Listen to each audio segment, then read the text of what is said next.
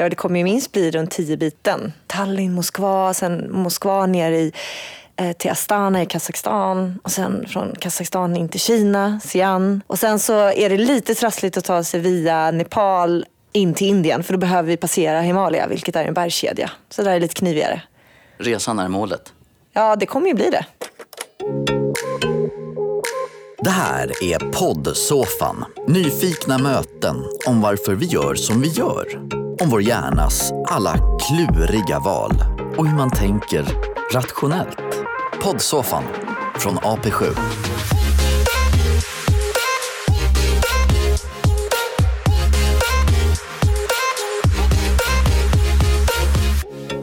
Dagens gäst är VD för Sveriges första beteendebyrå, Beteendelabbet.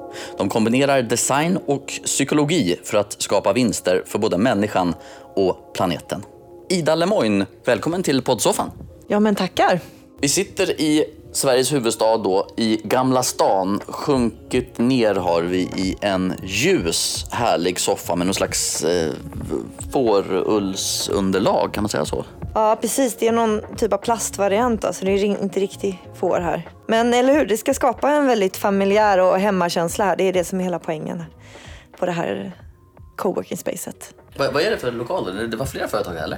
Ja, vi sitter uh, runt 30 mindre företag här. Så det här är gamla svenska nummerlotteriet. Så Bellman hängde de här lokalerna. Oj. Så det finns verkligen en historia här i väggarna. Det var här han uh, gjorde det alltså? Ja, jajamän. Solen glimmar blank och trygg. Beteendebyrå? Ja. Vad är det för någonting? Mm. Ja, vi är på ett sätt lite i framkant med att definiera oss och eh, liksom vara en organisation som kallar sig beteendebyrå. Nej, men eh, det är att vi sätter ett mycket tydligare fokus att jobba mot verksamheter och organisationer i deras hållbarhetsarbete och jobba med beteendeförändring systematiskt. Att bli riktigt duktiga på resultatorienterad beteendeförändring. Saker som vi har gjort är att vi jobbade tillsammans med en stor livsmedelskedja där vi eh, knuffade mot mer vegetariska val i butiken. Så att vi utformade valmiljöerna så att vi fick folk att konsumera mer morötter och bönor. Så att vi jobbar, vi kan säga att vi nästan är som eh, valarkitekter ute i det verkliga livet. Där vi är ute och experimenterar med miljöer för att påverka beteenden i större massor. Så att vi påverkar liksom, eh, inte folk och sitter i terapisoffan utan mer terapi mot stor, större grupp. Nudge, ja. är det engelska för knuffa? Ja men precis, lätt knuff då. En lätt knuff om vi ska ha en snällare benämning i det. Eh, mjuk paternalism som också kan få sin omnämning kring. Eh, kommer ifrån eh, nationalekonomi faktiskt, beteendeekonomifältet. Nudge-begreppet, det känns ju för mig som kanske motsatsen till att ta i med hårdhandskarna. Men ändå få det man vill få utfört. Ja, ja men det, så kan man, ja, alltså absolut, absolut kan man se det på det sättet det är ju, alltså nudge härstammar från att vi ska hjälpa oss att gå från vilja till handling. Så det är en rätt sympatiskt förhållningssätt till att knuffa oss eh, till att ta val vi hade faktiskt velat göra. Det är därför det är intressant att jobba med det. Så jag kanske vill ta det här, gå på det här träningsbesöket. Jag kanske vill konsumera mer vegetariskt i min vardag. Uh, och det handlar om att utforma så att det blir mycket lättare att göra rätt för mig helt enkelt. Hur kan vi göra så att jag tar val som jag i slutändan mår bra av och även kanske finns en miljövinst av. Så att uh, absolut inte ta i med hårdhandskarna utan full, du har fullständig vilja kvar. Det handlar bara om att presentera det här bättre valet till att vara mer lättnåligt. Enkelt förklarat. Ja. Och i en butik till exempel så kan man då ja. ha gamla bananer vid kassan eller för halva priset eller vadå? Så att det här är man ju expert på. Alltså att hålla på och knuffa folk har ju butikerna gjort i all evighet. Marknadsförare är expert, experter på att jobba med nudging. Men då kallar man det mer sludge faktiskt i ett ord. Om man håller på att knuffa folk till att konsumera onyttigt vid kassalinjen. Just det. Och men, inom eh, räckhåll för barn också i ståhöjd. Absolut.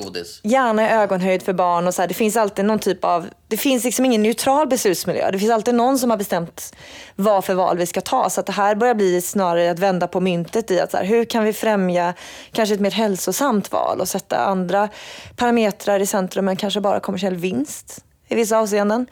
Men du sa gamla bananer. Däremot, alltså det har funnits, apropå bananer, det har funnits där man kallar det, det här gjordes ju i en ICA-butik, man kallar det, väljer du giftiga bananer eller väljer du ekologiska bananer? Så det var bara ett sätt att, exakt som man gjorde, som har blivit lite en snackis i det. Att det är ett sätt att rama in information på. Sen är den liksom, att man vågar ta den linjen. Som, men det är ju intressant på ett sätt. I så här, hur presenteras saker för mig? Eh, och hur påverkar det vad jag faktiskt väljer sen? Ja. Just det. Vet du hur det gick där? Eh, ja, det har inte varit någon form av forskningsstudie då, men så jag förstått det så lyckades den här handlaren faktiskt få upp försäljningen på e- ekologiska. Det är ingen som vill ha giftiga bananer. Nej. Det man tänka är rätt rimligt i att vem, vilken barnfamilj eller vilken konsument i en butik plockar på sig det exempelvis.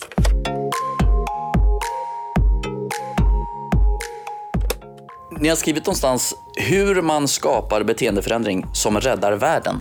Ja. Känner du igen den formuleringen? Absolut.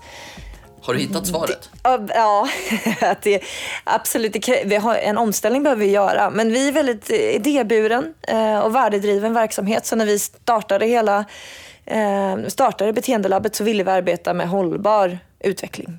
Så därför var vi i teamet av att vi har ju både designers och jag själv är ju så här beteendeekonom. Så här, hur kan vi ställa om och jobba framförallt mot verksamheter att faktiskt gå i rätt riktning mot hållbar utveckling. Eh, Så... Du menar för, verksamhet i företag och sådär? Ja, är verkligen. många som kan ha impact? Verkligen, det är där vi är. Vi jobbar inte mot slutkonsumenter utan vi jobbar för att hjälpa organisationer att göra det rätt, att göra rätt. Och framförallt också i att om vi ska lyckas med att faktiskt få till en hållbar beteendeförändring så är det viktigt att man förstår hur man kan skapa nytta både för verksamheten, individen och miljön. Alltså vi pratar om trippelvinster ibland. Att det får inte vara helt olönsamt att pyssla med frågorna. För det är det systemet vi är i. Så det är någon typ av att verkligen titta klarsynt på situationen eh, för att kunna driva på förändringen. Vi har ett, eh, vi jobbar ju med det här i massvis olika områden men vi har en, ett case som är klart ganska nyligen där vi lyckades öka återvinningen på en byggarbetsplats med 90 ton. Och det var en superbra deal för eh, det här byggbolaget för att de har massvis av kostnader att spara på det. Och det blev en dundergrej för miljön för att vi eh, började börjar skapa en mycket högre liksom, cirkulärt kretslopp när det gäller byggavfall. Och medarbetarna kände sig nöjda att det börjar bli mycket lättare att kunna faktiskt eh, sortera. Så där gjorde vi massvis av små nudges i en byggarbetsplatsmiljö. Så där har vi ett läge i där man kan, det behöver inte sitta- finnas motsättningar utan man behöver hitta där det finns eh, gemensamma intressen för de här eh, olika liksom, parterna. Mm. Man kan ju använda nudging för många olika syften. Är det självklart att jobba mycket med hållbarhet eller? Det har blivit det. Framförallt Richard Taylor Kassanstein som skrev den här boken när det blev rejält populärt och tog en uppsving var ju 2009. Och de pratade mycket om det som en faktor i att jobba med samhällsnytta. Så det var de, det var de pelarna det, vi, det vilade på i att jobba med organdonation eller att så här, få folk att transportera sig mer klimatsmart. Så att det låg uppe på, man jobbade med det på politisk nivå mer, med reformer och lagar. Hur sjutton kan vi hjälpa våra medborgare att faktiskt bli hälsosammare eller miljövänligare? Eh, så att absolut har det tagit en mycket tydligare ställning när det gäller mer hållbara frågor. I Sverige kanske mer miljö. I andra länder kan man jobba med det inom vård och hälsomässiga val också. Det måste inte alltid bara handla om klimatmässig beteendeförändring. Mm. Men absolut, det ligger en aura runt nudging. Att, och det heter ju att nudge improved, eh, nudge improved decision about wealth, health och happiness. Det var titeln på deras bok. Då. Så att de ramade in det väldigt mycket kring att jobba med, med just de här frågorna. Och i höst kommer en bok med er titel då, Nudging i praktiken, så gör organisationen det lätt att göra rätt. Ja, Vad handlar den här om? Nej, men det handlar om vår passion i att vi vill att praktiker där ute och verksamheter själva ska bli duktiga på det här. Eh, nudging är ju i sig självt ett forskningsområde också men det börjar också bli använt väldigt mycket inom eh, både privat och offentlig sektor. Att verksamheter ska bli duktiga på att systematiskt jobba med beteendeförändring. Så den här boken, alltså, den kort och gott förklarar vad nudging som begrepp är och ger lite teoretiska bakgrunder kring tankefällor. Eh, och sen så handlar den om eh, beteenderesan. Så vi hjälper dem och ger dem en eh, designprocess och arbetar med nudging i praktiken. Så man själv systematiskt kan steg för steg eh, veta vilka beteenden man ska jobba med för att faktiskt uppnå en hållbar utveckling. Jag har ju två barn hemma och de gör inte alltid som man vill. Eh, Bekant för många kanske. Har du några tips på hur man kan liksom nudga sin familj? Kanske en semester eh, ja, i åtanke och sådär. Ja, precis. Det, det är rätt kul för att rätt nyligen här nu så eh, min eminenta kollega Elsa Stålner skrev ett eh, blogginlägg. Så har din mamma nudgat dig nu i samband med mors dag. Eh, och vi har ju blivit nudgade, hela poängen med det här blogginlägget var ju att diskutera att vi har ju blivit nudgade hela vår uppväxt på olika sätt. Eh, och så här, exempel som dyker upp som man själv kan reflektera till och som man kanske kan använda nu inför semestertider. Men så här, man kan lägga fram ett val av kläder dagen innan för sina barn så att de inte behöver liksom, fundera och välja på massa, vad är det jag ska sätta på mig? Då har du ändrat standardvalet. Just Så det. att man liksom underlättar, det här vill vi att så här, du ska göra. Ja, check på det. Ja, det check gör på min den. fru. Mm. Ja, men, ja, det- ja, den gör det. Sen ett annat läge är att man skulle kunna se, använda sociala normer. Så alla andra barnen har på sig eh, gummistövlar eller de här regncaperna när de är ute. Eh, ska inte du också göra det? Då har man spelat på att alla andra gör det. Det finns ett bevis för det. det vill vi, vi vill gärna tillhöra flocken. Men de kan ju oftast tillbaka spela med. Alla andra får ju det här och då vill man inte höra talas Ja, om det argumentet. exakt. Men där har ju mamma varit duktig på att förstå att hon vet att inte alla andra gör det. Så hon genomskådar ju den lite. Så att eh, det kan man absolut använda. Det är ju barn själva som använder. Men där kanske mamma och pappa liksom genomskådar den, Du vill eh, den nudgen. Ja. Kan man säga då, retoriskt fråga. ja, du vill, eller Du hur? vill väl höra till flocken? Ja, verkligen. Man får jag tror att man får se upp lite så att man har en ansvarsfull nudging också. Så att i slutändan så är det kanske skönt för barnet att det inte blir dyblöt för den kanske blir sjuk och sådär. Så man kan ju prata om lite varför man som mamma eller pappa vill att den ska göra det här beteendet. Just det, det är bättre kanske. Ja men alltså, man, det, ibland så kan det vara rätt schysst att också tala om varför man, vad intentionen är så man inte börjar manipulera Det är bra. valet helt enkelt. Det blev väldigt mycket glassar på sommaren. Och, och önskemål om glass kanske var tredje timme. Har du något tips att styra av det? Ah, hur man ska kunna nudga till. Att det som är så det knivigt med glass är ju att det är så otroligt fin positiv förstärkning. Och det är det här som är när det gäller beteenden i att man käkar den här glassen och den är väldigt svalkande och god. Ah, vad skulle man kunna ha för något läge i? Ja, men man kan ibland försöka göra det svårare att göra fel så att man kan eh, gömma glassen på en eh, fryshylla så den inte ser och når kanske. Man ska se upp med att eh, befinna sig alldeles för mycket i anslutning till glass. Man kanske tar en liten genväg så man inte går förbi glassbutiken. Så det skulle kunna vara ett sätt att också nudga lite i att inte eh, göra det så himla lättnåligt att faktiskt be om den här glassen. Ja, men de verkar ändå kunna föreställa sig, även utanför, bortom affärer, att glassar finns. Ja, glassar finns. Jag vet inte, det kanske kan vara lite fint att få käka lite glass på sommaren då. Att man inte är för hård mot sig själv. Kanske kan införa en typ av eh, ett kvot att om du käkar bara en glass om dagen så kanske du kan få någon positiv förstärkning. Det skulle kunna vara ett fiffigt sätt att liksom rama in det. Att det. Om du eh, får, eh, du får bara, om du är duktig på att bara be om glass en gång om dagen så kan du ge den en positiv belöning med någonting annat sen. Då kan du få lite skärmtid på lördagen, extra skärmtid. Så man kanske kan hitta ett sätt att vara lite smart och designa om eh, va- valmiljön eller presentera valen på ett annorlunda sätt. Kan nudging vara liksom manipulativt också?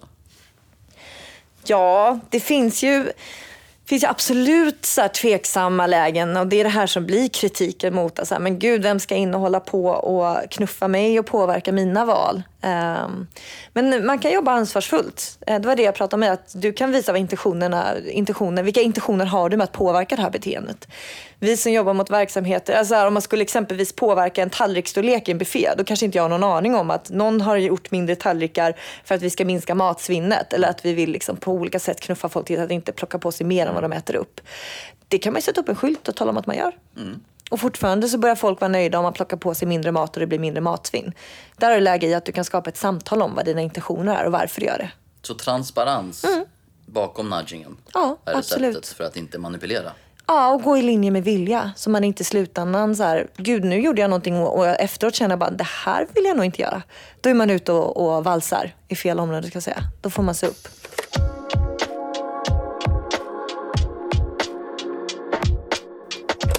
Vad kommer du göra i sommar? I sommar? Jag, eh, där blev jag nudgad av en annan faktiskt. Eh, Jag vill åka till Indien. Och då sa min kompis som jag ska åka med, med en väninna, hon bara, men ska vi åka tåg till Indien? Jag bara, kan man åka tåg till Indien? Hon bara, ja det kan man. Så började vi titta på det, så vi ska åka tåg till Indien. Det är sant. Ja, Häftigt. ja det ska bli supercoolt. Hur många byten? Eh, det kommer bli eh, Tallinn, Moskva, Moskva in i Kazakstan, Kazakstan in till Kina. Ja, men vi börjar ju röra sig om, det kommer ju minst bli runt eh, 8-10 byten tror jag. Mm. hur länge? tre och en halv vecka i tanken. Härligt. Mm. Hur länge ska ni vara där då?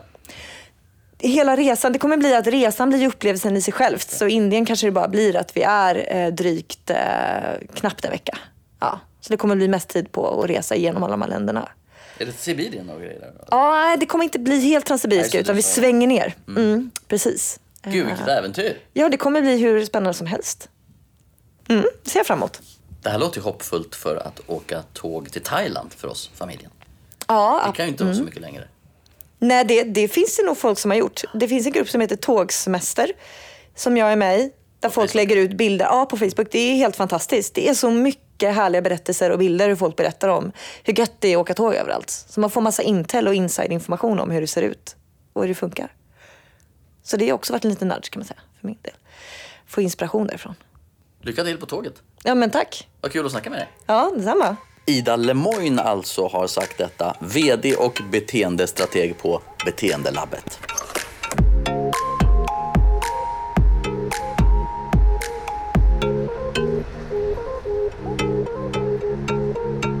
Poddsoffan från AP7.